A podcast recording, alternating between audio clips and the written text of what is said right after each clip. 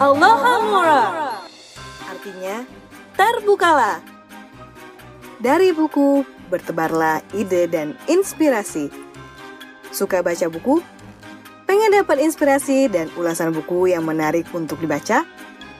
Semut-semut klub baca akan menemanimu bertualang di dunia literasi penikmat buku dan bacaan edisi Oktober 365 hari Suara Semut. Selamat mendengarkan.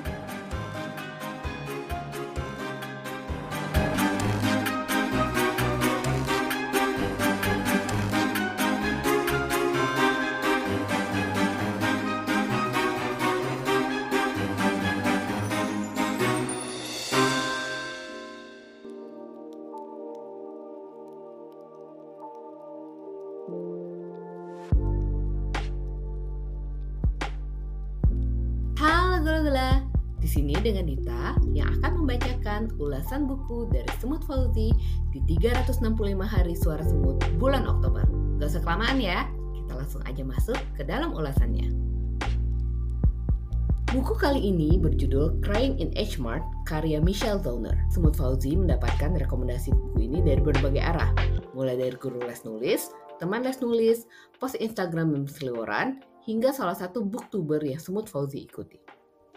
Berbeda dengan buku Kitchen dari Banana Yoshimoto, yang dikira Semut Fauzi akan punya banyak narasi tentang memasak, makanan, dan berbagi meja makan dengan orang terdekat, Crying in H Mart memberikan beragam menu rasa dari budaya makan orang Korea.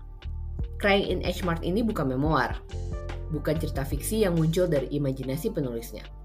Michelle berusaha menceritakan hubungannya dengan mendiang ibunya lewat makanan. Kalau biasanya love language ada lima, makanan mungkin bisa jadi love language keenam yang tidak hanya menyentuh lidah, tapi juga hati.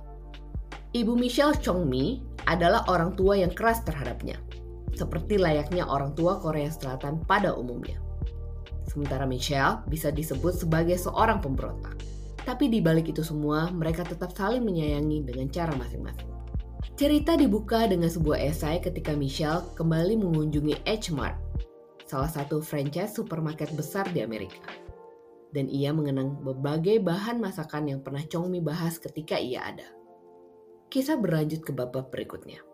Makanan yang Michelle deskripsikan juga nggak sekedar enak atau nggak enak. Dia tahu makanan itu terbuat dari apa saja, gimana tiap orang makan makanan yang sama bisa punya cara makan yang berbeda. Bagaimana berbagi makanan dengan orang terdekat dan juga orang yang jauh. Semut Fauzi mengenal banyak makanan dan budaya makan Korea Selatan dari buku ini. Michelle juga tidak hanya bercerita tentang ibunya, tapi juga ayahnya. Hubungan dengan ayahnya tidak begitu baik dan terkesan berjarak.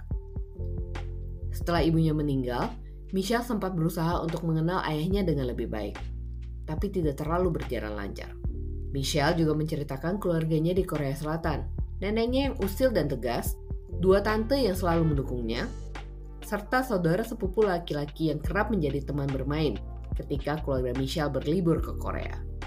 Setelah ibunya divonis kanker, Michelle menerasikan bagaimana proses setiap orang merawat ibu yang terkena kanker dan memberikan respon yang berbeda-beda. Bagaimana kondisi tubuh Chongmi, wajah dan rambut semuanya berubah setelah divonis oleh dokter.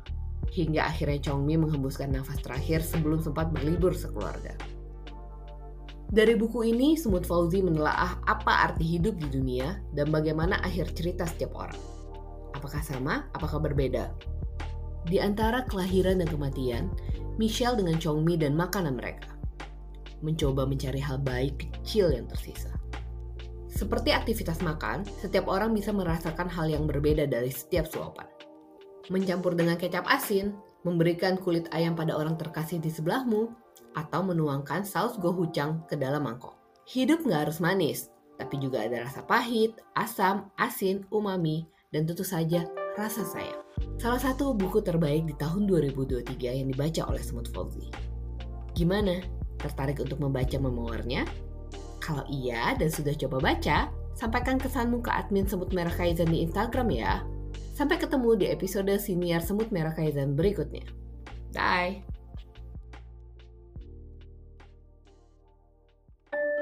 Terima kasih sudah menyimak episode dari Klub Baca SMK.